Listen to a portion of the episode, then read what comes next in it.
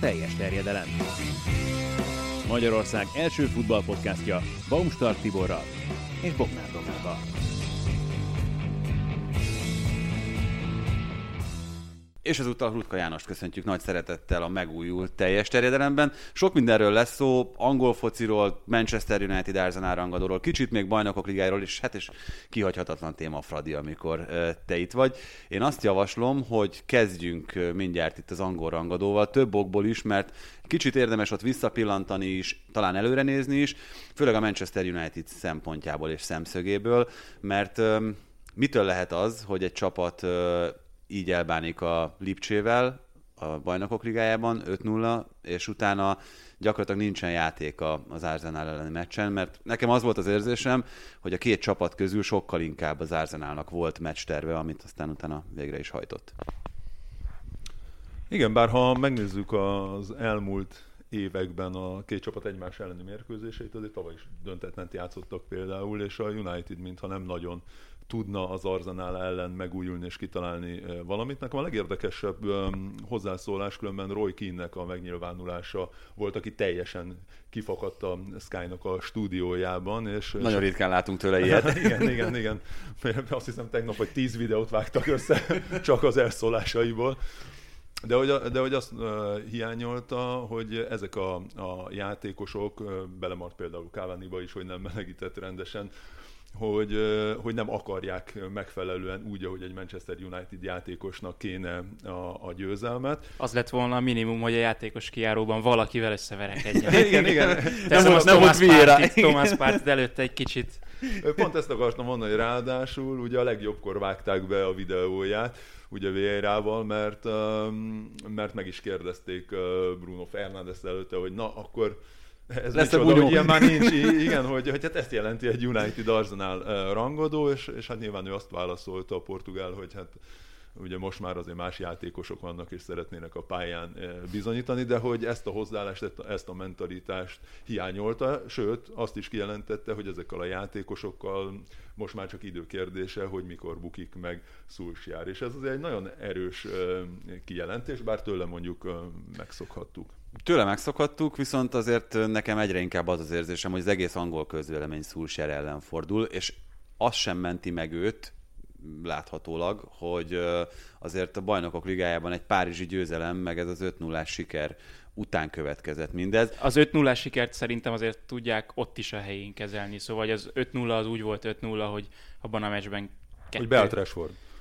Igen, igen, igen, és a végén lőttek úgy hármat, hogy az, az már nem feltétlenül volt benne, kettő vagy három volt esetleg a reális az, azon a meccsen. Jó, de hát azt azért ne felejtsük el, hogy egy BL elődöntős csapat ellen értékel, egy olyan csapat ellen, aki nagyon kevés gólt kap, meg szervezetten védekezik. Szóval azért BL-ben szerintem egy 5 0 sikert, azt nem kell lekicsinyíteni, vagy, vagy magyarázni. De pont ez az, hogy, hogy az Aston Villa ellen is a Liverpool Liverpoolnak becsúszott egy ilyen, és a Unitednál is a, a nagyobb képet érdemes nézni, nem? Hogy, hogy a bajnokságban hazai pályán mit csinálnak így. Igen, az a kérdés inkább itt ezzel kapcsolatban, hogy a nagyobb kép az mennyire hízelgő a Unitedre nézve, mert mindig azt szoktuk mondani, hogy egy edzőnek a kvalitásait azért az eredmények mellett persze az határozza meg leginkább, hogy az egyes játékosok hogyan képesek fejlődni.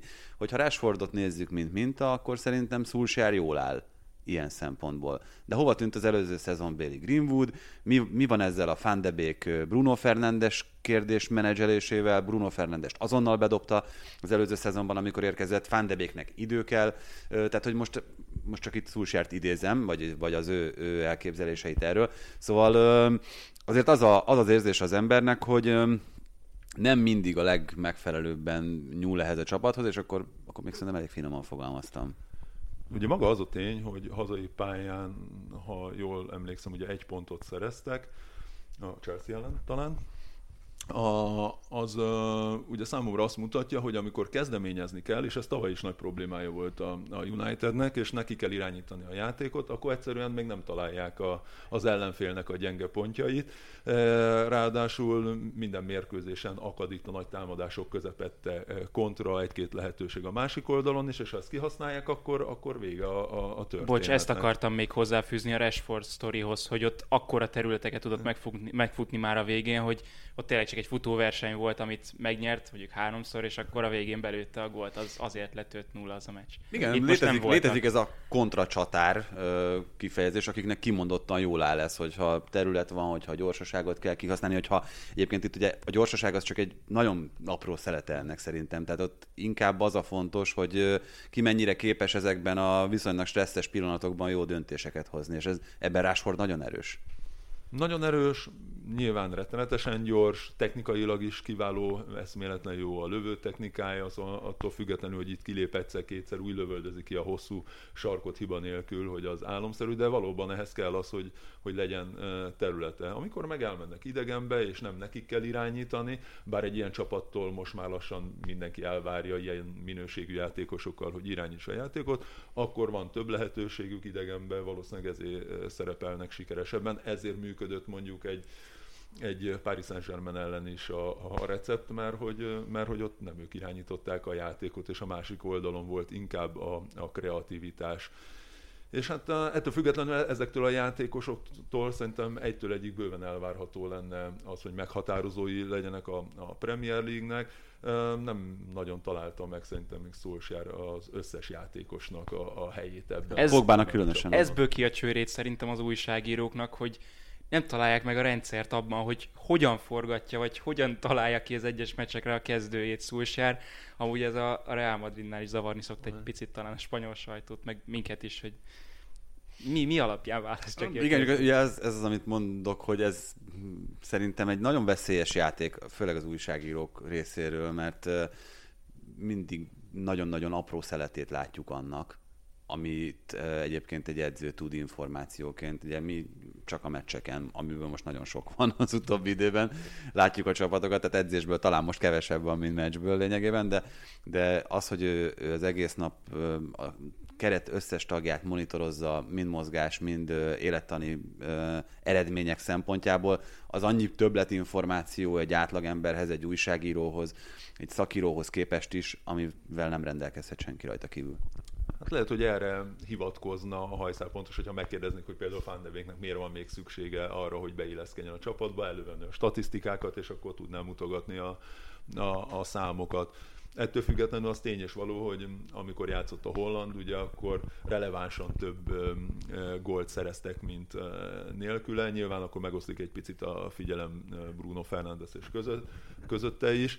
Csak hogy tényleg annyi jó játékos van, és jelen pillanatban szinte mindenki egészséges, pláne támadó potenciálba, hogy, hogy azért ennél jóval többet remélne az ember, jóval több kialakított helyzetet, és, és valószínűleg jóval több gólt is. Nyissuk egy kicsit nagyobbra ezt az ollót itt, vagy azt a látószöget amin keresztül vizsgáljuk ezt a meccset, meg talán az összes többit erről a hétvégéről. Azért most meg túl vagyunk kettő bajnokok ligája csoportkörön, és azután túl vagyunk kettő bajnoki fordulón. Szerintem lehet egy ilyen általános tapasztalatot, tapasztalatként megállapítani azt, hogy a, a nagy csapatok írtatlanul szenvednek és kínlódnak ebben nem nagyon tudnék olyan ö, nagy csapatot mondani, amelyik ö, ne lett volna tompább, ö, visszafogottabb, fásultabb, lassabb, mint amit egyébként megszokhattunk. Én szerintem a, a City-t ilyen lassú tempóban nem nagyon láttam játszani, mint amilyenben, de ugyanez most, hogyha még itt maradunk egy kicsit a, a Manchester és az Arsenal meccsén, hát olyan lötyögös volt a Premier League iramához képest ez a meccs, hogy helyenként tényleg csak tátottam a számat, hogy uh, mi van itt. Én pont azon mosogtam, és most csak azért néztem az írományaimba, hogy, hogy nem is emlékszem, amióta én itt vagyok a Spillernél, hogy lett volna olyan szezon, hogy 9 góla lát volna a City ennyi forduló után, és hogy a helyzetei valószínűleg megvannak, nem érik el azokat a mutatókat, mint mondjuk az elmúlt két évben, de nem nagyon maradnak el attól. Olyat se láttunk még, hogy, hogy eltelik ennyi mérkőzés, és a Liverpool kapja a legtöbb gólt a, a, a bajnokságba. Szóval tényleg számtalan olyan statisztikai adat van, amin az ember felkapja a fejét, de csak az arzenát nézzük, akik azért hozzák a pontokat, és csipegetik el uh, ellenfeleiktől uh, nyilván mérkőzéseken a, a pontokat. Szóval hogy közel 8 kísérletük van mérkőzésenként, ami, a, ami bocsánat, de a legalja a, a Premier League-nek. Szóval ő, ők se támadnak ők is nyilván elsődlegesen a, a védekezést és a hátsó... Viszont a legjobb védekezési mutatójuk ez van. Maximális, így van. Különben Szúser is ezt nyilatkozta, hogy náluk is most ez a fő szempont, hogy hátul stabilizálják a dolgokat, csak hát náluk mondjuk tényleg, ahogy említettük, olyan emberek vannak elől, akikkel azért lehetne ellensúlyozni az esetleges egy-két hibát hátul. Szóval én, én azt látom még, hogy, hogy ez az egész helyzet, az, hogy, hogy nincsenek nézők a stadionokban, az eltiltások, a sérülések, ezek mind-mind jelen pillanatban inkább a nagyobb csapatokat hátráltatták egy picit. A nagyobbakat hátráltatják, de, de én várok egy ilyen mini forradalmat, hogy, hogy észrevegyék azt, vagy észre is vesz, ezt biztosan észreveszik, hogy az a játék, amit a nagyok játszanak általában, az most nem fenntartható. És hogyha rájönnek arra, hogy, hogy itt többet kell spórolni, már rájöttek talán, hogy többet kell spórolni meccsen belül, és át kell állni egy másik taktikára, mondjuk egy kontrataktikára, akár még a nagy csapatoknak is, akkor tényleg egy ilyen kis szezonon belül ilyen taktikai forradalom lehet, hogy, hogy egy ilyen spórolós üzemmód, amiben ők is tudnak olyan gyors támadásokat vezetni esetenként, amivel lehet, hogy, lehet, hogy nem nyerik meg minden esetben a meccset, de legalább az egy pontokat gyűjtik közben. Hát ez, ez, ez, ez, egyébként ez már elkezdődött, ez a forradalom, hogyha... E- ezt várom, nézett, hogy, tehát, hogy, hogy itt legyen egy éles fordulópont ebben. Ugyanez szerintem érezhető a Manchester City-nél, nagyjából egyébként szerintem valami hasonlót lehetett érezni a Liverpoolnál. Én ugyanezt érzem, látom egy kicsit az Internél Olaszországban, tehát hogy itt ugye Ártéta is szerintem abból a szempontból egy ilyen viszonylag pragmatikus megközelítéssel nem gondolkodott rosszul, hogy igen, tegyük rendbe teljesen a csapat védekezését, és aztán a kreativitás az meg majd talán jön idővel. Nem, nyilván nem magától, de, de talán azt egy kicsit hosszabb idő felépíteni.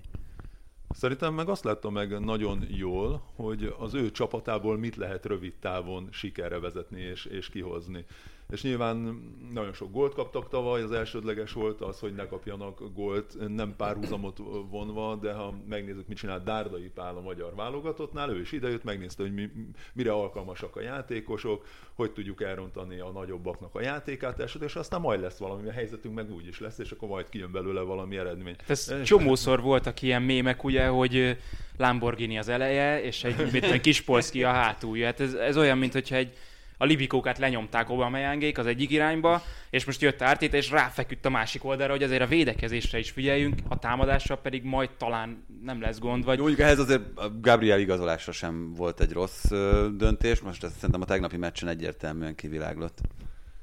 Igen, de és azt néztem még, hogy, hogy mennyire ebbe az irányba tolódott el egy kicsit a, a futball, hogy összehasonlítva mondjuk a tavaly vagy a tavaly előtti szezon kezdettel, hogy és hogy milyen érdekes, az jóval kevesebb helyzet van, jóval kevesebb kísérlet, kaput eltaláló lövés, viszont gólokban meg, meg ide-oda van mindig olyan mérkőzés minden fordulóban, ahol aztán tényleg eszetlenül jönnek-mennek a, a gólok, hát láthatunk most itt a Aston Villa Southampton meccset, de hát tényleg ha azt nézzük, hogy a Liverpool is beleszaladt, ugye. Hát meg az mondjuk négy gólról, négy gólról felállni, az azért elég szép eredmény. Nem hiszem, hogy lát, bármelyik őtök, mert csak, inkább csak mint érdekesség gondoltam, hogy felhozom. Itt a Liverpooli, hogyha már belső védőkről beszélünk, védőhelyzet kapcsán, Nathaniel Phillips volt ezúttal a belső védő párja Joe Gomeznek a Liverpoolban, és a meccs után volt egy, egy interjú a már nem is annyira fiatal sráccal, amiben úgy nyilatkozott Nathaniel Phillips, mintha ő lenne Van Dijk. Tehát, hogy azt a magabiztosságot, meg azt a kicsit már... Jó, hát azért ki... ő nem annyira fiatal. De hát 24, persze, tehát ez rendben van, csak hát azért az ember azt gondolta, hogy az első Premier League meccse után, aki egy a srác, akit egyébként valószínűleg elküldtek volna, meg nem neveztek a BL keretbe, kicsit megilletődött lesz, de hát, csak csináltuk, amit kell. Egyébként még megdicsérgette ott a körülötte játszókat is, hogy ő jól teljesített. Tehát, hogy... Azon gondolkodom, hogy vajon kitől kaphatta ezt az önbizalmat? Ki adhatta át neki? Ki motiválhatta ennyire? De, de szóval ez nekem döbbenetes volt, és egyébként nem játszott rosszul, de... de emlékszem, hogy volt a man of the match is. Igen, igen, igen, igen. Tehát nem, nem játszott egyáltalán rosszul, főleg egyébként a levegőben tűnt nagyon jónak, nagyon határozottnak, de mondom, továbbra is egy olyan srácról van szó, aki nincs benne például Liverpool BL keretében, úgyhogy ö, ott ugye Reese Williams volt az, aki a megsérült Fabinho-t helyettesítette, hosszú távon mennyire fenntartható az a szint a Liverpoolnál, ami az előző szezonban ugye bajnoki címre vezette lényegében a csapatot, hát 23 forduló után volt annyi kapott gólja, mint amennyi most. Hét után.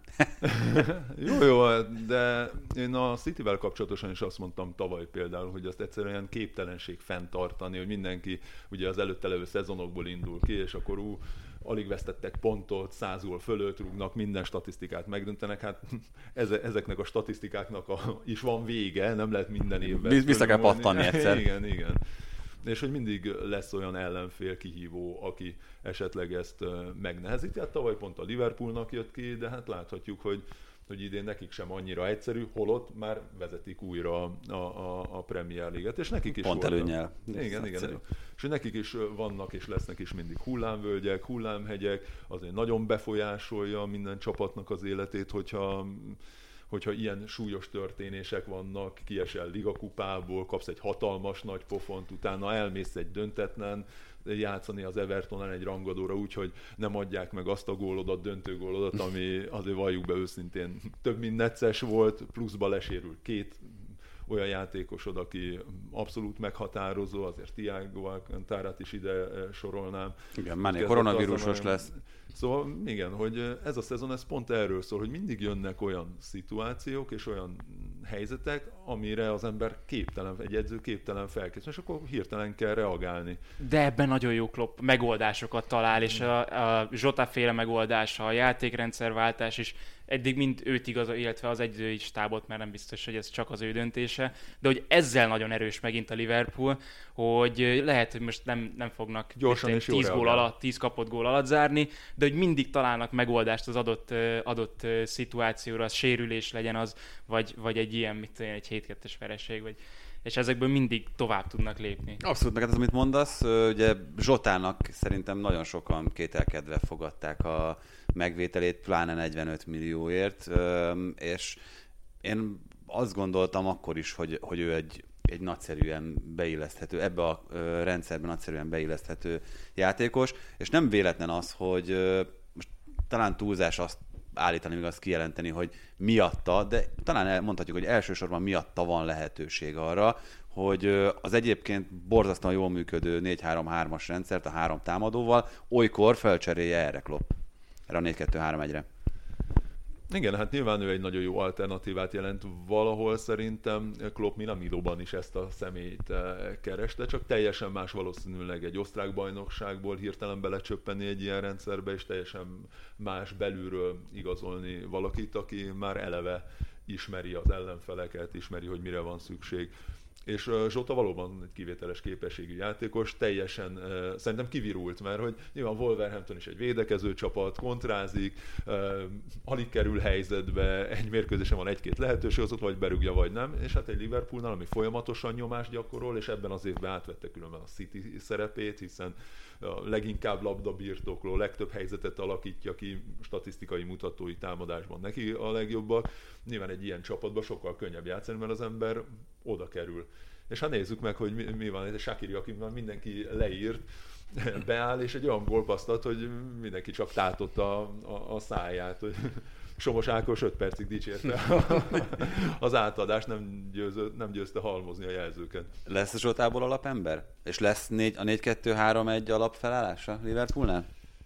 Szerintem inkább ő egy variációs lehetőség, ami magába rejti azt is, hogy folyamatosan fogja cserélni minden, de hogy ennyi támadót azért állandóan nem lehet fent. Számomra ez a legnagyobb kérdés. Szerintem klubban benne van az, hogy, hogy valahol meglátja azt, hogy ez már jobban működik, mint a Salah Firmino Mane, és akkor... És akkor rúgjuk, rúgjuk is... többet, mint az ellenfél megközelítés? Hát figyelj, lehet, hogy ez lesz a célra vezet, ezt tényleg csak kloppék látják, és, és Legyen valószínű, így, hogy... mindenki. Valószínű, hogy... A Firmino gól statisztikáját nézzük.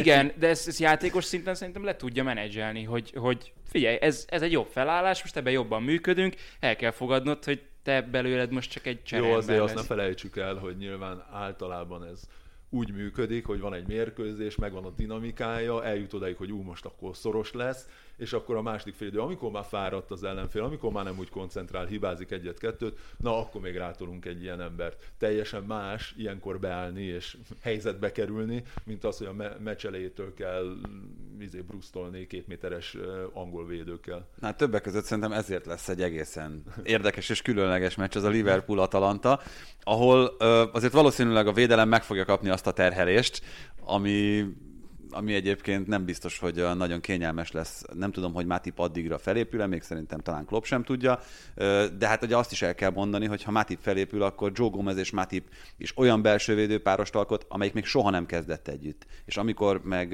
játszottak együtt, meccs, meccsek bizonyos szakaszaiban, Hát, szóval akkor nem, nem, nem volt olyan nagyon stabil lábakon álló. Visszasírják Lovrent? Hát, lehet, lehetséges, igen. Jó, hát azért azt tegyük tisztába, hogy nyilván Van Dijk mellett egy ember játszhatott, úgyhogy ebben, igen, nem lehetett kettőt betenni. hogy nem játszottak nagyon együtt, és hát ha játszhattak volna, valószínűleg az sem Joe Gomezen múlt, mert Matip az, aki rendszeresen sérült, vagy többet hiányzik, de tény is való, hogy amikor megvolt a sorsolás, nekem ez volt az egyik legérdekesebb csoport, éppen azért, mert hogy na végre lehet támadó futballt játsz, nézni, és akárki játszik akárkivel, ez egy, ez egy jó mérkőzés. Ehhez képest bekelt a Liverpool az Ajax ellen. Igen, és ehhez képest kaptuk, amit, amit láttunk.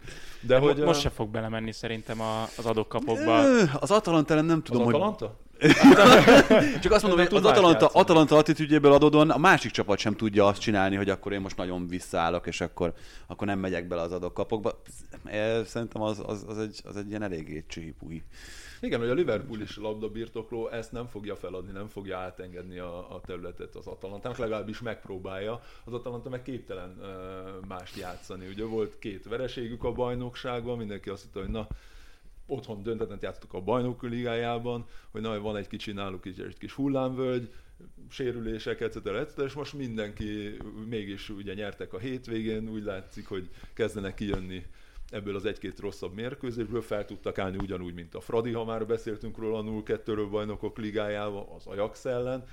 Úgyhogy uh, szerintem az egyik legjobb mérkőzése lehet a bajnok ligájának. Igen, ez csak egy, tényleg egy kiegészítő megjegyzés, ugye mindenki nagyon várta vissza Josip Pilicicset, és uh, nagyon furcsa pedagógiai módszereket választ Gasperini, aki ebben egyébként borzasztó jó, hogy nézem a meccsek utáni nyilatkozatot, és szapulja Ilicsicset állandóan. Hát még nem az a játékos, akit egyébként gondoltunk. Tehát lehet, hogy ez segít, vagy ez hat, de mondjuk egy depresszióból vissza... Vagy ez az igazság. de, de egy depresszióból visszajövő játékos, na nem biztos, hogy ezt hangsúlyoznám nagyon, vagy nem tudom, tehát hogy legalábbis a nyilvánosság előtt. Lehet, hogy csak el akarja mondani a gondolatait. az, hogy rossz, dolgokról. Igen, de nagyon rosszul játszó fiam, úgyhogy gondolj inkább erre, mint ami otthon, otthon van. Ha már itt a taktikai változtatásokról beszéltünk, szerintem még egy dolog van, amit, amit mindenképpen érdemes amiatt tárgyalni, mert lehet, hogy a sok sérülés, meg itt az egyéb problémák miatt a Manchester Citynek is be kell rendezkednie arra, hogy valami alternatívát keres Aguero és Gabriel Jesus helyére, és Ferran Torres középcsatárként való szerepeltetése az akár egy ilyen kis reménysugarat jelenthetett itt a, itt a hétvégén. Torres csak szélsőt játszott a Valenciában, ugye?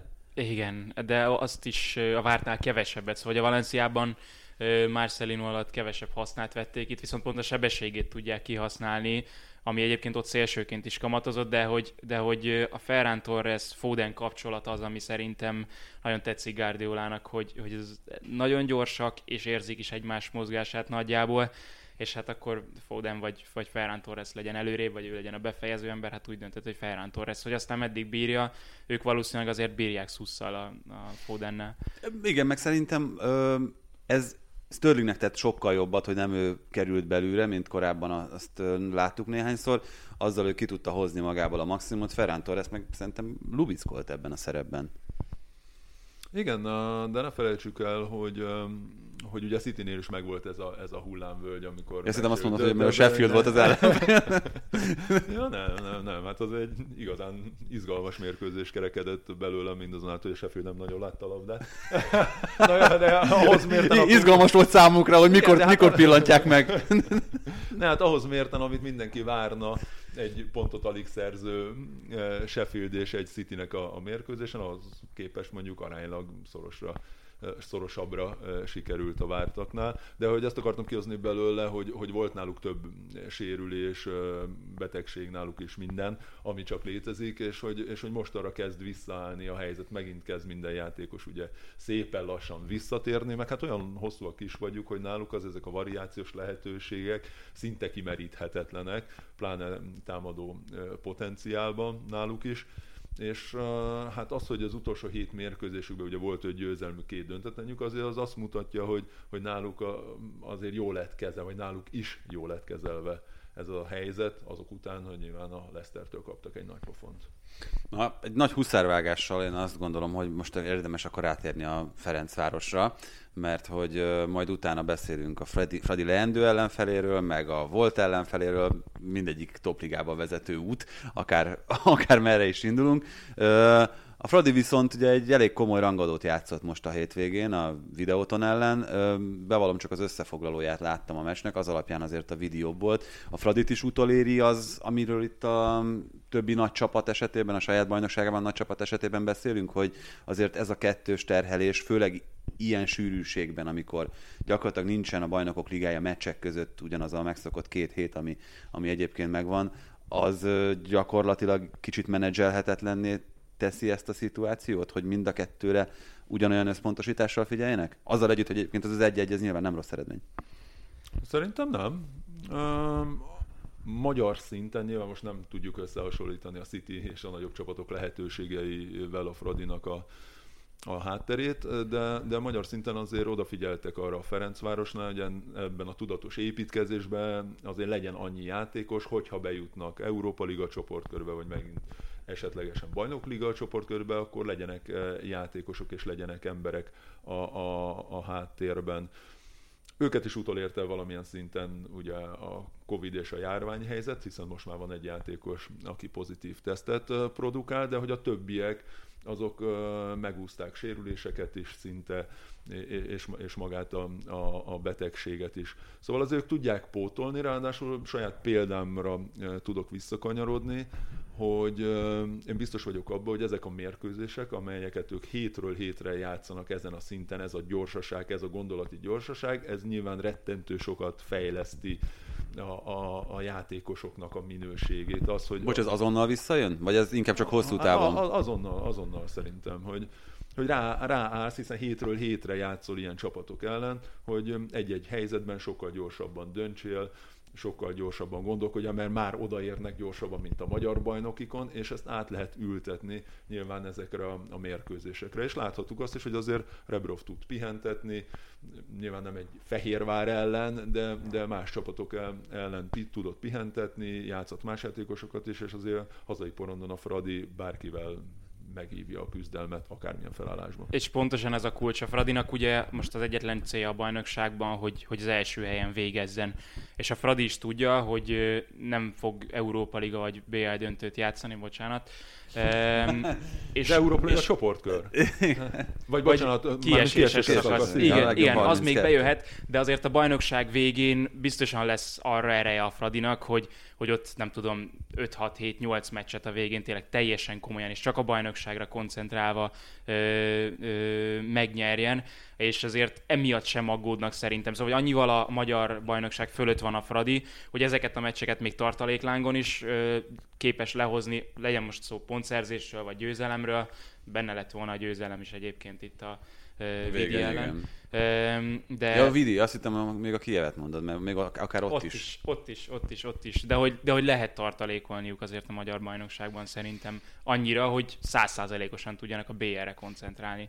Nem tudom, mennyire akarom erőszakosan rá erőltetni a hasonlatot itt a 25 évvel ezelőtti történésekre, de hát ebben te a legautentikusabb vagy, hogy ezt elmond, hogy, hogy ez, ez mennyire igaz, megállja meg a helyét. Szóval nagyon sok a, hasonló dolog itt, akár a nagy csapatokat figyelembe véve, akkor ugye az Ajax és a Real Madrid volt az a két nagy csapat, akit hozzátok sorsoltak. A Grasshoppers nagyjából szerintem hasonló uh, szint, mint a... És a svájci válogatott. Dinamo Kiev, igen, a, a Dinamo Kiev, és ott is ugye egy hazai döntetlen jött össze az akkori grasshoppers ott is egy viszonylag sima vereség idegenben az egyik nagy csapattól, szóval uh, te, neked mennyiszer jutnak eszedbe, vagy mennyiszer villannak be az akkori, a 25 évvel ezelőtti képek, akkor, amikor akár nézed a meccseket, az eredményeket, a sorsolást, az egész, az egész szituációt? Annyira intenzíven foglalkozik vele most mindenki, hogy akarva, akaratlanul is előjönnek ezek, a, ezek az emlékek. Egyik oldalon nyilván az ember szeme örül, a másik oldalon sír, hogy hogy uh, ugye közvetítek a Spiller TV-nél, nyilván jó lett volna egyszer az egész hangulatot átérezni, és, és megnézni a stadionból, hogy na, hogy is néz ez ki újra 25 év távlatából. Ugye másik oldalon meg jó, mert láthatom az összes mérkőzést közben a Fradival együtt itt benne a, a Spiller TV stúdiójába, de valóban vannak hasonlóságok, és ha azt nézem, hogy hogy, és ezt kívánom is, hogy a végén valóban hasonló legyen a, a csoportnak a kialakulása, és szerezne a, a mostani csapat 5 pontot, 9 rúgott góllal, akkor azt mondanám, hogy ú, hát ez egy fantasztikus uh, bajnokligája szereplés volt. Ez azt eredményezné valószínűleg, hogy ugye Európa Liga kieséses uh, szakasz, és eddig is túl teljesítette a Fradi az elvárásokat, hiszen megverni egy Celticet, egy Dinamo Zagrebet, ez, ez mind-mind vonal Talán még van. egy Moldét is. Hát ha megnézzük, hogy hogy szerepel az Európa Ligában most, igen, bár a, a mérkőzés alapján én úgy gondolom, hogy azért a Fradi nagyobb erőt képviselt. Szóval az közelebb volt a realitásokhoz, mint a másik két csapat ellen. Úgyhogy akkor sem lenne semmi probléma, hogyha ez az egy pont marad, és, és a Fradi nem szerez több pontot, nyilván senki nem ezt szeretné, de hogy, de hogy már így is annyi jó dolgot, jó érzést, plusz lelki töltetet adtak mindenkinek, nekem legalábbis, hogy nincsenek plusz elve, ez már csak a haba tortán, hogyha bármi ezen kívül történni fog. Itt a legtöbben általában Szerhi Rebrov személyét emelik ki, mint a talán a legnagyobb hozzáadott érték a Fradi szerepléséhez. Öm, ebben van hasonlóság a 25 évvel ezelőttihez képest? Novák Dezső és a, és a mostani Fradi edző munkája között? Tehát, hogy nincs. ott nincs? nem, tehát nem ő volt az, aki, aki azt a pluszt, vagy azt az apró dolgot hozzátette, ami átbillentette a de ebből a szempontból uh, lehet, csak még a, az egyik oldalon egy nagyon kemény kezű fegyelmezettségre. Ja, hogy így értetted, hogy... Igen, igen, igen, rendet tartó, és, és teljesen más lehetőségekkel dolgozó. Szóval nagyon so, sokan szeretik összehasonlítgatni a mostani időszakot az akkorival, de, hát ez de, nagyon jó de, játék. De, igen, igen, igen, de, de mindig mosolygok rajta, mert mondjuk amíg Rebrov dolgozik, ha már Dezső bácsival össze kell hasonlítani, most hasamra ütök 15 emberrel maga körül, addig Dezső bácsi dolgozott hárommal. Szóval most már a kispad akkora jót mosolyogtam múltkor a, a Spiller TV-s forgatáson, hogy, hogy többen elférnek a kispadon a, a személyzetben, mint ahány tartalékjátékosunk volt nekünk. Annól szóval tényleg nem le, a lehetőségeket nem lehet összehasonlítani. Dezső bácsinak nyilván az volt a hatalmas nagy erőssége, hogy nagyon jó szeme volt a, a futballhoz, és egy eszmélete jó közeget hozott össze, mindig jó ráérzéssel állított embereket a, a, a csapatba. Rebrovnak mások az erősségei. Hát meg azért arra is emlékszem, hogy ti kicsit más körülmények között távol a várostól készültetek föl ezekre a, ezekre a mérkőzésekre. Itt most már uh, nyilván az edzés meg a felkészülési lehetőségek is másak. Hozzátéve azt, hogy uh, azért és visszakanyarodok akkor ugyanoda, ahonnan elindultunk itt ennek a kérdésnek a kapcsán, hogy soha nem látott módon kell ezt valahogy kezelni, ezt a szituációt, ezt a három héten belül három meccs, meg utána majd még egy ilyen újabb három hetes blokk következik. Tehát, hogy azért ott nektek a felkészülésetek az egy kicsit, kicsit másképp zajlott ezekre. Kicsit lazább volt? Nem azt mondom, hogy lazább volt, csak hogy, hogy, hogy de, de mondhatom azt is, hogy lazább volt, nem? Tehát, hogy ott Jó, de ezt a helyzet Ott akkor me, hány, hány napokra vonultatok fel oda a lovas klubba? Csak egy nappal mentünk mindig a mérkőzésre. Ja, azt hittem, hogy több napot töltöttetek. Nem, nem, nem, egy nappal mentünk előtte, az csak valóban az összetartás kedvéért, de ez nem a bajnok ligájának szólt, hanem bármikor vidékre utaztunk, vagy ugyanúgy bement a csapat egy nappal előtte. Kaiserslautern minden mérkőzés előtt bementünk, szóval ez egy megszokott történés volt. De ezt, hogyha most megcsinálnád minden bajnoki, meg minden bajnokok ligája meccset, akkor előbb-utóbb ott megölnék egymást a, a játékosok, nem? Én úgy gondolom, hogy ha ez így lenne, ettől függetlenül ez a, ez a feladatuk, és valószínűleg, hogy ez kell is ahhoz, hogy az ember megfelelően rá tudjon készülni egy mérkőzésre. Nem vagyok benne biztos, nem tudom a hátteret, hogy ez nincs így, pláne egy ilyen helyzetben, amikor ennyire el vannak szeparálva ugye a külvilágtól. Úgyhogy szerintem azért most is vannak ilyen összetartások. Egyébként ez egy nagyon érdekes kérdés, ez azt hiszem hosszú távon, hogy lényegesen több időt töltenek együtt a csapatok, több szempontból is, mint ahogy azt mint megszokhattuk. Hát, mint a családjukkal az egy dolog, de hogy talán ugye egy idő után azért meg lehet unni olyan arcokat a keret, de ezt erősíts meg, hogy így van. Terre tudok egy, egy nagyon kedves példát mondani, ez nem bajnokok ligája, de, de azt követően voltunk edzőtáborban a Fradival, Dezső bácsival, először talán Izraelbe. Az a lényeg, hogy utána hazajöttünk, és, és nem volt még jó idő télen Magyarországon, és ahogy a két hét edzőtábor után hazajöttünk, akkor egy újabb két hétre mondtuk, hogy gyorsan menjünk még el, mert Magyarországon nem lehet edzeni, nem, olyan, nem alkalmasak a pályák. És kimentünk, és akkor um, ott már annyira elege volt mindenkinek mindenkiből, hogy, hogy pont a három külföldi, ugye a Zorán, a Kuntics, Kopunovics, Milovanovics, ugye elkezdték mondani, hogy mit kellene csinálni, meg hova kellene menni, és hogy annyira feszült volt a helyzet, hogy mindenki megharagudott rá, és a játéknál, edzésen beválogattuk őket másik csapatba. És, és lent a, a tengerparton lévő foci az botrányba fulladt, mert mindenki térdmagasságba szállt, szállt bele a másikba, és le kellett fújni az edzés. Szóval valóban... Jó érzékel ilyenkor egy paintball, paintball csatát elhelyezel valahol a napi programban. Igen, vagy egy dárcot olyan képekkel, ami a csapattársad... Túl sokat vagy együtt valakivel, azért azt egy idő után nyilván tud indulatokat szítani. Igen, ez egyébként tényleg mindenhol érdekes lesz. Azért is mondtam ezt, és akkor arról azért mindenképpen beszéljünk még, hogy mi lehet itt a Juventus elleni meccsen. Lesz Cristiano Ronaldo, szerintem ez volt itt az egyik legérdekesebb kérdés Magyarországon. Viszont a Juventus meg nem tűnik a mostani speciál elleni 4 győzelme ellenére sem annyira már kész és magabiztos csapatnak, hogy ne lehetne esetleg valami minimális esély a pontszerzésre. Én a lesz csapdával próbálkoznék egyébként, halkan teszem hozzá. Én nagyon röhögtem, mert uh, ugye a hétvégi mérkőzésen is Morata mind a mellett, hogy gólt szerzett, ugye nem sokkal később egyből megállították és érvénytelenítette a vara találatát. szóval hogy minden mérkőzésen produkál. Viszont adott gólpaszt, nagyon jó, nagyon jó mozog Abszolút. egyébként Morata egyelőre. Meg hát nyilván minőségben ez a Juventus jócskán a Ferencváros fölött jár, bár ezt mondjuk Barcelonában nem feltétlenül igazolta, azt szerintem egy kimondottan, egy Barcelona elleni meccs kimondottan rosszul sikerült a Juventus számára. Nagyon látszik, hogy ez egy ilyen épülőben lévő ház még itt Pirlo irányítása alatt. Igen, de én, én jókat szoktam mosolyogni, vagy mondhatom nyugodtan idehúzom magam mellé e, Gundel Takás Gábort is, hiszen a mérkőzések előtt nagyon jól tudod, hogy szoktunk e, ezeken e, polemizálni egy picit, hogy e, itt van egy, egy Juventus, itt van egy Barcelona, egyikről sem mondhatjuk azt, hogy nagyon jó formában van jelen pillanatban, gondokkal küzdenek, de de melyik az a, az a pont, szóval egy nagyon rossz formában lévő Juventus vagy Barcelonának is, hol az a pont, amikor a legjobb formájában lévő Ferencvárost össze tudod hasonlítani, vagy azt tudod mondani, hogy na, itt a, itt a lehetőség. Mert szerintem jelen pillanatban nincs ilyen pont. Szóval, hogy egy, egy Juventus ellen szerintem reálisan, és most realitásról beszélünk, nincsen esély a, a, a Fradinak olyan játékosok, ha csak azt nézzük, hogy a, a Juventusnak van tíz olyan játékosa, akinek az érték egyedül nagyobb, mint az egész Ferencváros Ferencvárosi kereté. Szóval nem nagyon tudott statisztikailag sehogy sem összehasonlítani, és láthattuk pont a Dinamo Kiev elleni idegenbeli mérkőzését a Juventusnak, ahol ugyancsak nem játszottak uh, jól. De annyira de mondjuk ott olyan érzésem volt, ez, igen, mintha nem is akartak volna jól játszani. Igen, tehát, de, hogy... de hogy annyira magabiztosan tudják, hogy mit kell csinálni.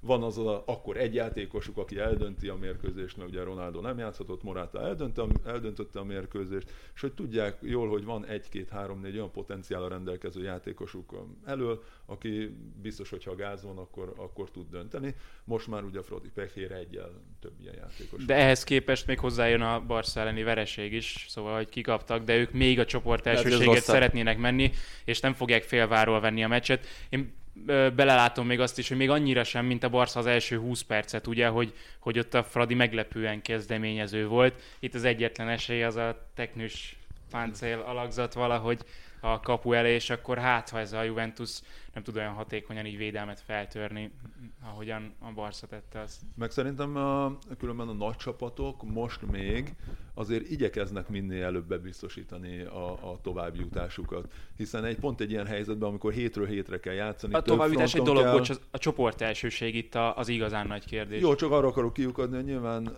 ennyi mérkőzés mellett az egy kényelmi szempont, hogyha nem azon kell izgulnod már negyedik forduló után, hogy neked most van-e még számolgatni kell, bárki megelőzhet vagy sem, hanem akár lehetőséget tudsz adni olyanoknak is, akik kevesebbet játszottak. Ez azért nagyon nagy segítség tud lenni bármely nagy csapatnak. Meg pláne, hogyha majd elkezdődik ez a második három hetes kör, itt ugye a negyediktől a hatodik fordulóig a bajnokok ligája csoportkörben, ott is azért még jó néhány nagy csapatnak lesz egy csomó rangadója, amit azok között, a meccsek között kell játszani, és hogyha mindegyiken mindig a legjobb játékos vagy, tehát mindig a sztárokat kell föltenned, mindig őket kell végigjátszatnod, mert hogy mit tudom én, x közeli állás van még a 85. percben, és nem pihentethetsz, az, az nyilván kizsigerelheti még inkább a, a csapatokat, mint amennyire most is láthatjuk már, hogy ez van. De hát Visz... itt az a cél, bocs, csak hogy a lőtávolon belül maradjon a Juventus az utolsó meccse, mert az lesz a Juve Barca, hogyha jól emlékszem, és illetve Barca Juve, és akkor ott, ott eldőlhetnek a dolgok. Mert az, az azért, már, azért már jó jel, hogyha, hogyha ott még belül vagy azon a ponthatáron, hogy utol tud érni, és tiéd lehessen az első hely, akkor, akkor ez elég lesz a Juventus. Jó, csak ez a hazai vereség, ugye ez azt jelenti, hogy, és akkor visszatérve a Fradi mérkőzés, hogy a Juventusnak addig minden mérkőzését meg kell nyerni valószínűleg, hogyha az utolsó mérkőzésén be akarja hozni a hazai pályán elszenvedett vereségből fakadó hátrányát. Viszont talán a megszokottól eltérően nem a Juventus vezeti egyelőre az olasz bajnokságnak a tabelláját, hanem az a Milán, amelyik most itt, hogyha nagyon megengedő vagyok, akkor 11 tétmeccséből 10 megnyert ebben a szezonban. Az a, az egyik, amelyiket megnyert, az a, az irdatlan 11-es párbajos győzelem volt, tehát hogy egyébként volt egy bajnoki X-e is a Milánnak. Hát viszont az nagyon jól látszik, hogy az átigazolási politikája remek volt a csapatnak a télen, és amit sokan kétségbe vontak, Ibrahimovicsnak 39 évesen is megérte új szerződést kínálni, már pedig azért, mert ebben a helyzetben, amikor tényleg ilyen nüanszok döntenek, van egy olyan játékos a Milánnak, aki az összes többi játékosból is sokkal többet hoz ki, mint amennyi egyébként alapból bennük lenne. Hát, mint, mint abból, hogy ő rúg 8 gólt, meg ad két hát asszisztot 7 mérkőzésen, és még ezen felül motiválja is a, a többieket. Hát ugye az, amit lehet olvasni, hogy, hogy edzéseken azért ő nem nagyon fogja vissza magát, mármint hogy hangban sem, tehát hogyha valaki rosszul passzol, akkor azt, azt tudni fogja Fejben a másik, hogy ő rosszul passzol. Tehát, hogy ez az, amit Pioli kiemelt egy nemrég adott interjújában, hogy, hogy elképesztő milyen hatással van a fiatalok ra, és nem azért, mert nem hogy... Csak a pályán, hanem pályán kívül is. A pályán kívül is, és, és, nem, és nem úgy kell elképzelni, tehát hogy mindenki persze ilyen rettenthetetlennek gondolja őt a megnyilvánulásai, meg a kommunikációi alapján, de hogy ezt, ezt emelte ki Pioli ebben, hogy nagyon megtalálja az utat a fiatalokhoz, tehát hogy úgy kommunikál velük, hogy ők azt nem érzik feltétlenül sértőnek, meg, meg nem, nem azt gondolják, hogy na jó, hát azért álljon meg a menet, hogy hogyan beszélnek velem, hanem, hanem ezt, ezt teljesen okosan jól építgeti. És szerintem tudta Ibrahimovic, hogy erre a szerepre vállalkozik, bevállalta, és maximálisan meg is csinálja, végrehajtja. De milyen érdekes, nem, hogy előbb beszéltünk Ronaldóról, 35 éves, Ibrahimovicról 39 éves, megnézzük Lewandowski-t Németországba, és hogy ez annyira csodálattal tölt el, hogy az elmúlt időszakban valószínűleg a tudomány és a háttér e, tudományok fejlődésével is, hogy a futballban mennyire kitolható a pályafutásnak a vége. Hogy jó pár évvel ezelőtt, mondjuk én hamarabb abba hagytam, de mindenki úgy tervezgetett, hogy 31, 32, 33 az már egy pályafutás legvége most pedig a legjobb játékosok, azok szinte mind 30 év fölött vannak. Ilyenkor nem sajnálod egyébként, hogy nem egy kicsit később születtél? Mert azért egész biztos, hogy neked is kitolható lett volna még a pályafutásod. Hát hogyha... én azt mondod, hogy jobb beszélni róla, mint aki nem tudja, csinálja. Vagy beszél róla, bocsánat. Igen, a másik, hogy amit néztem, hogy visszakanyarodva Milánra, hogy valóban ugye márciusban vesztettek utoljára, de hogy azóta 24 meccset játszottak, és, és hogy még voltak barátságos mérkőzései, és még ott se vesztettek, szóval egy barátságos mérkőzés sem vesztettek, hogy, hogy egy hihetetlen széria van bennük, mögöttük. Hát kérdés, hogy meddig tart. Igen, és ebben, ebben azért volt olyan időszak, amikor Ibrahimovic sérült volt, még ugye az újrakezdés után volt olyan időszak, amikor ő koronavírusos volt, tehát akkor is ment a szekér, ami szerintem mindenképpen bizakodással töltheti el, meg kell, hogy eltöltse a, a Milán híveket. A másik milánoi csapat, a az Inter viszont megint egy, egy elég, elég érdekes eredménybe futott bele. A Párma ellen egy 2-2, az is egy ilyen pontmentés volt végül is, de mindjárt beszélünk az Interről, talán nekünk itt volt ezen a meccsen egy érdekesebb dolog. Sajnos nem sokszor mondhatjuk el, hogy egy 18 éves magyar fiú játszik egy szériá csapatban, és itt szerintem nem kell azt most figyelembe, meg számításba venni, hogy kicsit a koronavírus helyzetnek, meg a járványnak is volt köszönhető, meg a sok hiányzónak. Azért az, hogy bemerte dobni Liveráni őt ebben a háromvédős rendszerben, Balog Botondról beszélünk, a magyar korosztályos válogatott egyik kiválóságáról, az önmagáért beszél, és örülünk, gratulálunk, boldogok vagyunk. De hát örülünk, gratulálunk, boldogok vagyunk, de én most egyetértek Egri Viktorral, hogy azért nem nagyon volt más lehetősége a mesternek. Ugye hát... nem, nem feltétlenül szokott három védővel játszani egyáltalán a párma, és most a kupa meccs után is úgy döntött, hogy ezen a meccsen is majd három védővel játszik, és hogyha megnézzük a, a rangsort, szóval, hogy a, a keretben a védők rangsorát, akkor ott van a, az ötödik helyen, azt hiszem így számolta. Hát ez, ez egy remek dolog szerintem. Tehát mikor, mióta várjuk azt, hogy egy szériá csapatban, de egy szériák középcsapatban, mert a párma azért az, legyen egy olyan játékos, aki a posztján legalább az ötödik helyre odafér. Hát szerintem ez egy, ez egy remek dolog, és egyébként Liverani dönthetett volna úgy, hogy, hogy két belső védővel áll föl erre a meccsre szerintem. Nyilván Balog Boton kiharcolta ezt a lehetőséget. Szerintem nem is játszott olyan nagyon rosszul, nyilván egy kis megilletődöttség látszott rajta. Hogyha ott az első percben Peris is gólt rúg róla, akkor lehet, hogy másképp beszélünk az esetről, de neki volt a legtöbb olyan, főleg amikor az Inter, én legalábbis úgy láttam, amikor az Inter már, már próbálta a kapuja elé szorítani a pármát, ő ért oda a legtöbbször a hosszú lábaival, meg, meg blokkolni tudott, ami, ami egy tök nagy dolog. Meg ugye erről beszéltünk, hogy azért azért nem, nem rossz alapállapot, hogy Lautaro Martinez meg a friss bajnokok liga egy összes, meg, meg VB, VB döntős Perisic ellen kell játszanod.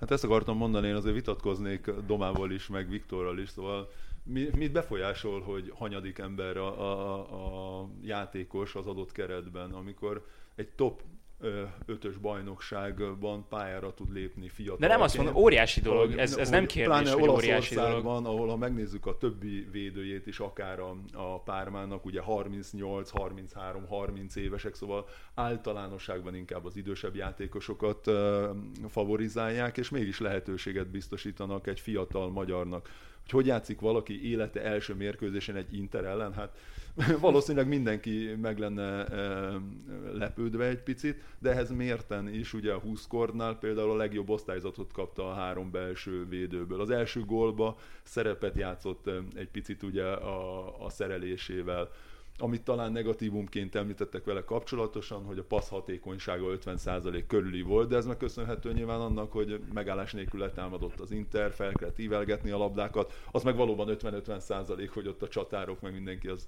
hogy küzdenek meg, vagy hogy nyerik meg azokat a, a párharcokat. Szóval én az ő szereplésével kapcsolatosan teljesen őszintén semmilyen negatívumot nem tudok előhozni, vagy felróni. Széria A-ba pályára lépni, az a legnagyobb dolog. 18 De én sem, én sem negatívunként mondtam, én sem negatívunként mondtam, csak az zavar, hogy, hogy most ezen örömködünk, de hogyha fölépülnek a védők, és esetleg a szezonban már egyszer sem játszana, akkor így felejtenénk el a nevét. Dehogy is nem. Szerintem ez nem így van. Uh, és ez zavar, hogy, ne, hogy é... ilyenkor hirtelen fölemeljük kicsit, és utána meg nem foglalkozunk ez, vele, ez, hogyha, hogyha nem úgy alakulnak a... pillanatban, mert olyan dologról beszélünk, amit nem tudjuk, hogy bekövetkezik-e vagy sem. Nyilván, hogyha a legjobb osztályzatot kapja a védők közül, a média valamennyire ugye nyomást is gyakorol egy edzőre, hogy hát ott van valaki, aki hogy teljesített, meg milyen jól szállt meg. Nem lehet egyik pillanatról a másikra. Persze. De szerintem, hogyha megkérdeznénk 50 magyar játékost, valószínűleg 50 magyar játékos azt mondaná, hogy ú, egyetlen egyszer játszok az Inter ellen, és utána felejtsenek el örökre. De hogy szóval ez egy, ez egy olyan álom, meg egy olyan, olyan szint, amire... És még pontot amire, is szerzek és egyébként. pontot is szerez, igen, igen, amire nagyon... Nekem Szóval nagyon kevesen érik el. Nekem sokkal inkább az a kérdés, ami, amit néztem, és hogy hagy piszkálódjak is egy picit, hogy, hogy van itt egy, egy játékos, aki egy évvel ezelőtt, ha jól láttam, ment ki az MTK-ból a pármába. És hogy egy olyan játékos, aki egy évvel ezelőtt magyar MTK U19-ben fér bele, az hogy lehet az, hogy egy hogy évvel volt később az Inter ellen játszik mérkőzés. Szóval akkor mi ezt nem láttuk? Ezt nagyon, igen. Szerintem, e, szerintem egyértelműen erről van szó, és ö, itt ennek kapcsán szerintem még kettő dolgot érdemes megjegyezni, hogy az MTK ugye nyilván a klub filozófiájából adódóan soha nem játszik mondjuk három belső védővel, amit most valószínűleg... Ja, akkor ott van az MTK felnőtt csapatában játszani? Hát, hogyha három védővel játszanak. És hogyha megsérül kettő. Nem, csak, a, a, csak a, a tanulékonyságát, meg, a, meg a, a jelenlegi érettségét gondoltam ezzel kiemelni, hogy Liverani ennek ellenére benne látta a megoldást, megtehette volna, hogy valamelyik védekező középpályását teszi hátra. Benne látta a megoldást, hogy ebben a három belső védős rendszerben őt használja. Egyébként, hogy Adriántól kérdeztem, aki a korosztályos válogatottban dolgozott Botival, és ő azt mondta, hogy hogy a válogatottban egyszer-kétszer ilyen kényszerszült állapotban kellett ezt játszaniuk, de akkor mondjuk, amit mondtál itt a passzokkal kapcsolatban, a labdakihozatalokat nem feltétlenül ráépítették, tehát hogy egyelőre még nem ez az ő fő erőssége, viszont abban, amit itt, itt beszéltünk, abban szerintem kimondottan jól teljesített, és az a 20 kord index, amit mondtál, ugye ez is a, az opta statisztikáiból összeálló szám, hogy milyen, milyen dolgokat produkált, tehát egyrészt nem hazudik, másrészt meg valószínűleg pont ennek a sok közbelépésnek, szerelésnek, tisztázásnak köszönhetően lett ennyire magas, úgyhogy szerintem ez, ez kezdetnek is nagyon jó, és egyetlen egy dolog van, amiről még itt beszéltünk a hétvégi pályáralépés kapcsán, és szerintem ez a veszély, nem az, amit te mondtál, Doma, hogy ne, ne gondoljuk azt, Balog Botondról, most 18 évesen, hogy akkor neki kell Vili Orbán mellett játszani a következő válogatott meccsen, mert szerintem sokan föl fogják ezt vetni. Pedig többen oda kommentelték már a bejegyzések so, Sokan föl, tehát hogy Balog Botond játszom még öt meccset a, a Pármában, játszon három jó meccset az U21-es válogatottban, már akkor is fölfelé játszik egyébként, és hogyha ezeken jól teljesít, ezeken mondjuk megvan az a kiegyensúlyozottság, akkor lehet, hogy elkezdhetünk beszélni arról, de tehát ezzel ne kapkodjunk szerintem, és ez egy nagyon fontos dolog. Én is ezt mondom. ne, csak azt mondom, hogy annak azért örüljünk, ami van. A Domának elvettem a kezét. Én is, nem, azt, azt hiszitek, hogy nem örülök neki, vagy hogy, vagy hogy ez... Látom, ez... hogy nem örülsz. Nektek Már nem örülök. műsor előtt is külön. Igen, elárulhatjuk a kedves hallgatóknak és nézőknek, hogy már így jött be Doma, hogy egyáltalán nem örül ennek a balogboti bemutatkozásnak. hogy egyébként túl sokadik számú védő a csapatban. Nem, viccelünk ám, hogyha esetleg valaki komolyan gondolta volna. Most viszont kibontakozhatsz Real Madrid ügyben. Ott is magyarázatot kérünk arra, hogy, hogy mi, a, mi a helyzet most a, a Madridnál. Most hirtelen azt is elfelejtettem, hogy mi volt a hétvégén. Ugye lesz egy, hát USK-t verte meg 4-1-re, ugye itt Ja, az igen, igen, Inter igen, kapcsán igen. egy érdekes, érdekes dolog, csak ugye még az Interhez visszatérve annyi szerintem a fő kérdés, hogy azért támadó játék a, az Internek olyan nagyon nincsen Lukaku nélkül, vagy hát sokkal gyengébb, mint, mint egyébként, és hát egy rettentő fontos meccs következik az első két forduló után, a Real Madrid és az Inter között. Itt, hogyha valaki nyer, akkor az szerintem hogy egyértelműen meghatározhatja, hogy a, a, vereséget szenvedő csapatnak egyáltalán nem biztos, hogy sikerül a továbbjutás a csoportból, hogyha mondjuk a Sáktár még pozitív eredményt ér el. Jó, hát három forduló után az Atalanta is egy pontot Jó, Ilyen minden évben van szerencsére, úgyhogy Igen, de ez az a csoport, eh, ezen is em, nevettünk ugye közösen a stúdióban, ahol valószínűleg két forduló után mindenki egy Ja, ellentétes, fordítva. igen, fordított táblázatot eh, várt, és a legnagyobb meglepetés, különben valóban az Internek szerintem a, a játék a, a legutóbbi fordulóban Sáktár ellen. nem a játék, az eredménye. az tehát, eredmény, hogy igen, a igen, játék, igen, tehát volt lefocizták a Sáktár Igen, gyakorlatilag. de hogy egy olyan csapat ellen, ahol tíz ember hiányzott a kezdő csapatból, ugye megbetegedés véget, nem tudtak ö, dűlőre vinni, az Amikor az Real Madridot most pont. nagyon megsértett, tehát hogy a legnagyobb meglepetés az Inter, azután, hogy a Real vereséget szenved a, a most Sáktár B-től. Előző, for, előző fordulót mondtam. Most igen. meg, most meg kettő-kettőre Kettő. mentett, tehát ez... Hát jó, a- Gladbach, Gladbach. jó formában lévő Gladbach ellen. Jó, szóval akkor, az, akkor azon nem lepődünk meg, hogy, hogy már Ne- tavaly is, tavaly is egy ponttal kezdtek. Nekem az Inter az nagyobb meglepetés volt, igen, és a Real tavaly is elég rosszul kezdett. De tényes való, hogy itt, hogy itt egyik csapat sem tudná tartalékolni, mert ez volt a, a, az alapkérdés. Hiszen ugyanez a Sáktár ellen, amikor ugyanígy hiányzott tíz ember, ugye hazai pályán kikapott a, a, a Real, szóval náluk sincsen minden rendben, még akkor sem, hogyha azért bajnokságban győzelem, El Clasicon győzelem, és kifejezetten jó játék szerintem. De a bajnok ligájában döcögös egyelőre. Hát itt a hozzáállás lesz a kérdés, hogy melyik csapat hogyan áll hozzá a meccshez, hogy az Inter szeretne Lukaku nélkül támadni, vagy hagyja a Nem Real, biztos, és hogy Lukaku nélkül, fog. ezt azért Igen? Hát ö, Nem az a írnak kérdés, arról, hogy Contéval szeretne támadni. nem, írnak arról, hogy Lukaku esetleg valamilyen módon visszatérhet, úgyhogy még azért valószínűbb, hogy nem. Visszaoson, hátsó pályán. Érdekes lesz. Az USK elleni győzelme sem volt egyébként olyan sima a Reálnak, mint ahogyan az, az tűnik, és el tudom képzelni, hogy az Inter is beáll kicsit védekezni, és jön a borzasztó steril játék, ami a Reált idén is jellemzi, ez a passzolgatás. Azár lőtt egy óriási bombagolt a, nem tudom, 40. percben, és az volt, a, az volt az indikátora, hogy a Reál egy kicsit így rátelepedett onnantól az USK-ra. Nem csak úgy, hogy mint a hatos fel előtt a kézilabdában járatta a labdát helyzet nélkül, hanem ott végre ö, volt valami, valami élet a támadó harmadban is, és akkor az első fél időben már 2-0, onnantól pedig eldőltek a lényegi kérdések. Ami pozitívum az Azár visszatérése, és Azár megint megmutatta egy meccsen, hogy azért hozzá tud ő adni ahhoz a támadójátékhoz, csak kérdés, hogy, hogy megint egy Inter ellen megsérül-e, ott marad-e. Ugye ugyanez volt tavaly Paris Saint-Germain, ott volt egy kulcsmeccs, és ott megsérült. Hogyha Azár marad, akkor, akkor könnyen lehet, hogy megint kreatívabb lesz ez a Real, és akkor megint rendben lesz minden, de idén a védekezésben sem tűnik úgy, hogy minden rendben lenne. Komoly helyezkedési hibák vannak, komoly, komoly egyéni hibák is Militaótól, Ramosztól, Varántól is, úgyhogy tényleg nem tudom, hogy mire számítsak ettől a meccstől. Van, hogy mertek tippelni? Nem feltétlenül eredményre, hanem arra, hogy ö, hogyan nézhet majd ki itt a játékképe, mert itt Doma megpendítette, hogy esetleg az Inter ö, védekezőbb szemlélettel áll föl, ö, és hogy a Madrid hogyan közelíti, az mondjuk jellemző az utóbbi hetekben Conte csapatára, hogy most itt leszámítva ezt a Párma elleni meccset, sokkal jobban összeállt a védekezés a csapatnak. Ugye a Milán elleni második félidőtől kezdve fele annyi próbálkozása van az ellenfeleknek, mint az előtte lejátszott három meccsen.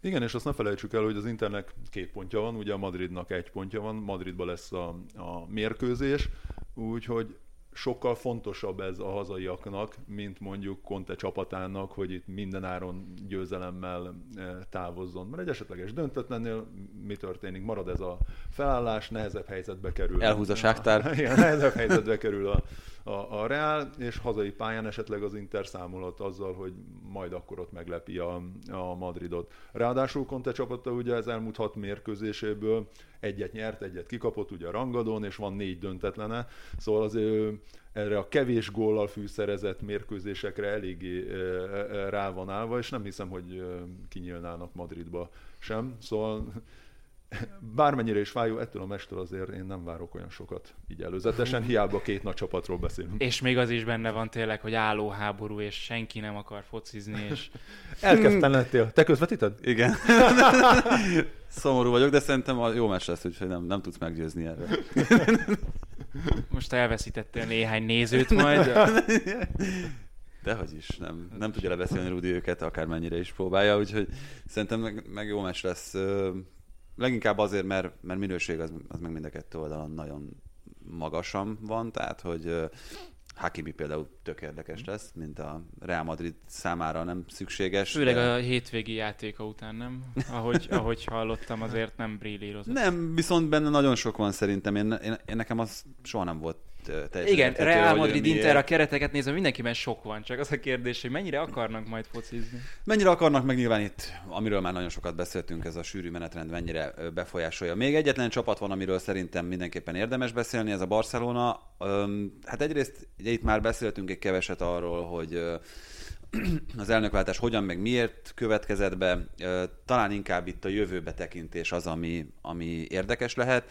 Ugye valószínűleg márciusban oldódhat meg ez a probléma, tehát akkor következik be esetleg itt az átadás. December már- lehet a leghamarabbi elnökválasztási időpont. Ugye a mostani ideiglenes vezetés az tényleg csak azért van ott, ezt kijelentették, hogy ők itt sincsenek, észre se vegyék őket, ők tényleg csak azért vannak, hogy minél hamarabb egy új elnököt meg tudjanak választani. Ez az egyetlen cél. Ez az Interregnum, ez egyébként jó lehet? Játékosnak, edzőnek, hogy nincsen igazából talán nyomás, talán elvárás sem, nincsen vezetői Nem tudom, de pont ezt akartam kérdezni Ruditól, Szerintem hogy, hogy mennyire érződik játékosként egy szezon közben az, hogyha nem, nem az edzők között, hanem tényleg konkrétan a, a felső vezetésben ö, nincsen rend, vagy, vagy ott nincs biztonság, amit, amit tudod, hogy ott, ott vannak a, ez a vezetés. Én most kizárólag a saját érzéseimre tudok hagyatkozni, hogy valószínűleg engem abszolút nem zavarna, semmi köze nincs ahhoz, hogy a pályán meg lenne az öltözőben mi történik. Akkor már van kihatással nyilván, hogyha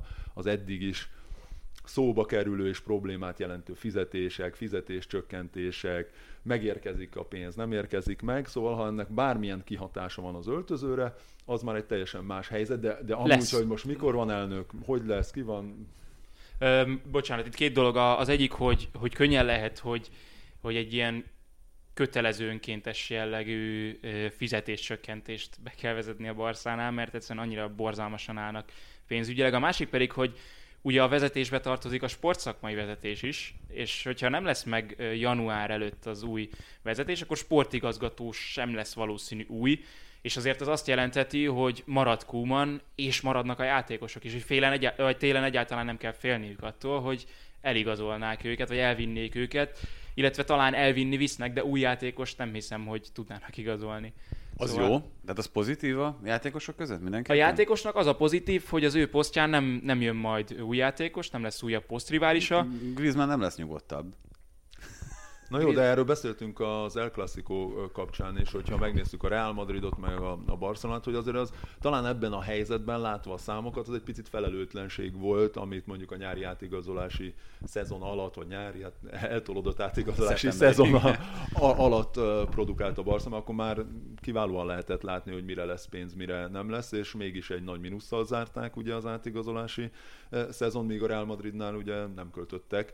Nem feltétlenül ez volt a cél, hogy mínusszal zárják, tehát hogy Nyilván. Messi, hogyha elmegy, akkor mindjárt pluszban billen az a mutató, nem? A, a fizetések is fontosak voltak, hogy ugye azokat levágják, és akkor azért így, így pénzügyileg pluszban jöttek ki valahogy a nagy mínuszok mellett, ugye éves, meg több éves szinten.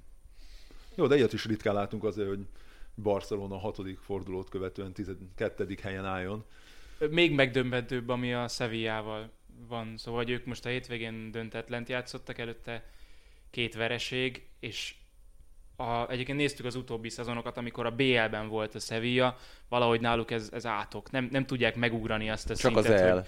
hogy, hogy Az igen, igen, az Európa Liga jó nekik, mert a BL-ben, és tényleg ez az évben, a mostani évben még hatványozottan igaz, hogy képtelenek így a bajnokságban mellette bármit csinálni. Borzalmas a Sevilla a La Ligában. No, hát szerintem nagyjából a végére értünk itt azoknak a témáknak, amiknek végére akartunk kérni. Úgyhogy azzal a konklúzióval tudunk elköszönni, hogy jön az utolsó olyan bajnokok ligája kör, amelyet ö, még lejátszanak itt a válogatott szünet előtt, illetve az utolsó bajnokik is, többek között majd egy Manchester City Liverpool mérkőzéssel is fűszerezve. Azt szerintem ebben a jelenlegi státuszkóban borzasztó érdekesnek ígérkezik, mint ahogy egyébként a Real Madrid Inter is, csak úgy. Ugye Igen, ez- soha nem szoktam eltalálni, úgyhogy nem kell hallgatni.